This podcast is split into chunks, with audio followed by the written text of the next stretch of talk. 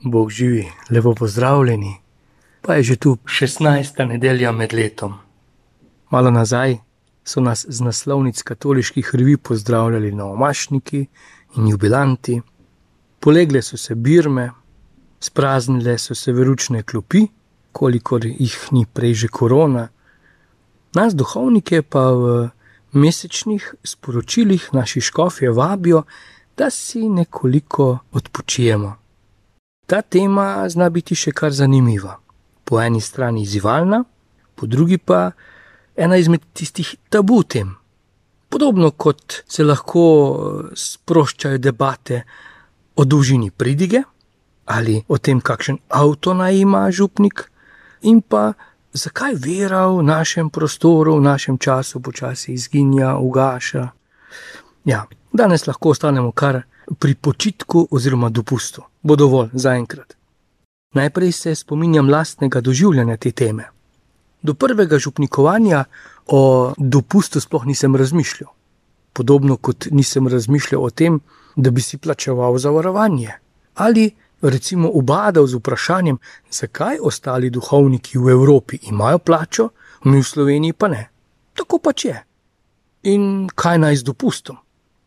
Pa saj sem kdaj pa kdaj šel z mladimi na kakšne duhovne vaje ali počitniške dni, celo na morje. Nič me ni motilo, da se je reklo, kaplan gre na dopust. Res pa je tudi bilo, da sem se za ta dopust temeljito pripravljal, kateheze, dinamike, gradivo, pa tudi ta materialni vidik, ki je bil potreben, in da sem se večkrat vrnil zelo utrujen, tudi fizično izmučen skoraj vedno pa tudi navdušen.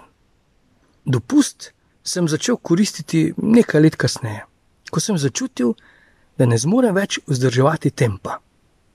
To me presega, se je večkrat pojavilo v mislih. Saj vem, da marsikdo misli, da župniki ne delamo veliko. Toda honevaje, vodenje skupin, pripravljanje gradiv, eh, spremljanje, pogovori, formacija in tudi redna pastorala vse to me bogati, pa vendar tudi terjajo svoj davek. Da ne govorim o velepridnih verovčencih in njihovih jako zauzetih starših, pa se je počasi izoblikoval način, da tudi sam odidem na odmik, na duhovne vaje, na romanje, na kakšno bolj kvalitetno izobraževanje. No, ni toliko vprašanje, ali oddih da ali ne. V oči mi bolj pade razlog. Običajno utrujen čakam miru, učenci, apostoli pa z navdušenjem pripovedujejo o svojem delu in me spominja na drzno trditev, ki je ne vzeti čisto dobesedno. Recimo, da rečem, pregorelosti ni, je samo utrujenost ob obveznostih, ki jih delam vsaj brez navdušenja, če ne celo brez ljubezni. Odtot stresnost in stresanje slabe volje, toliko krat tudi kronična utrujenost. To mi manjka, da bi bil nad tem, kar počnem, in da bi deloval v tem, kar delam, z močno voljo, srčnostjo, z navdušenjem, če hočete, strastjo. In tu pridem po eni strani do čutečega Jezusovega pogleda in pastirja ki dela škodo, dela marsikaj, celo marsikaj dobrega. Tu se je nabrala cela vrsta veščin, ki so potrebne, da si prepoznan kot dober župnik. In ja, pričakovanja so velika, zahtevni smo. Zahtevni smo do učiteljev, do zdravnikov, do politikov, do športnikov, do staršev in seveda tudi do duhovnikov, do župnikov, do pastirjev. Ampak ne pozabimo, o tem smo razmišljali že prejšnji teden.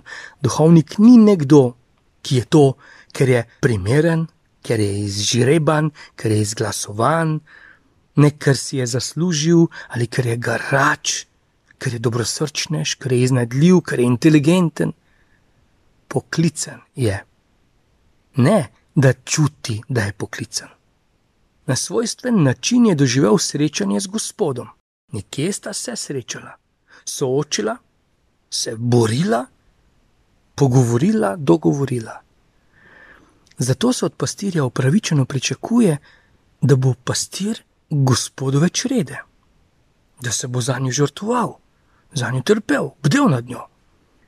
Če me je pred leti še čudilo in kdaj tudi ujezilo, da so mi po duhovnih vajah, ki sem jih vodil za otroke, mlade ali odrasle, rekli, če sem se spočil na njih, mi sedaj to večkrat izvabi na smeh.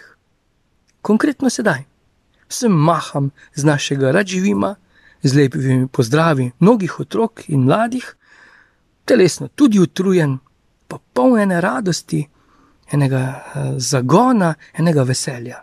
Tako da mirno rečem, rad imam, če hočete, tudi ta dopust. Bog va živi. Aha, to sem še pozabil, zdaj pa še pozdravi z. Rad živimo!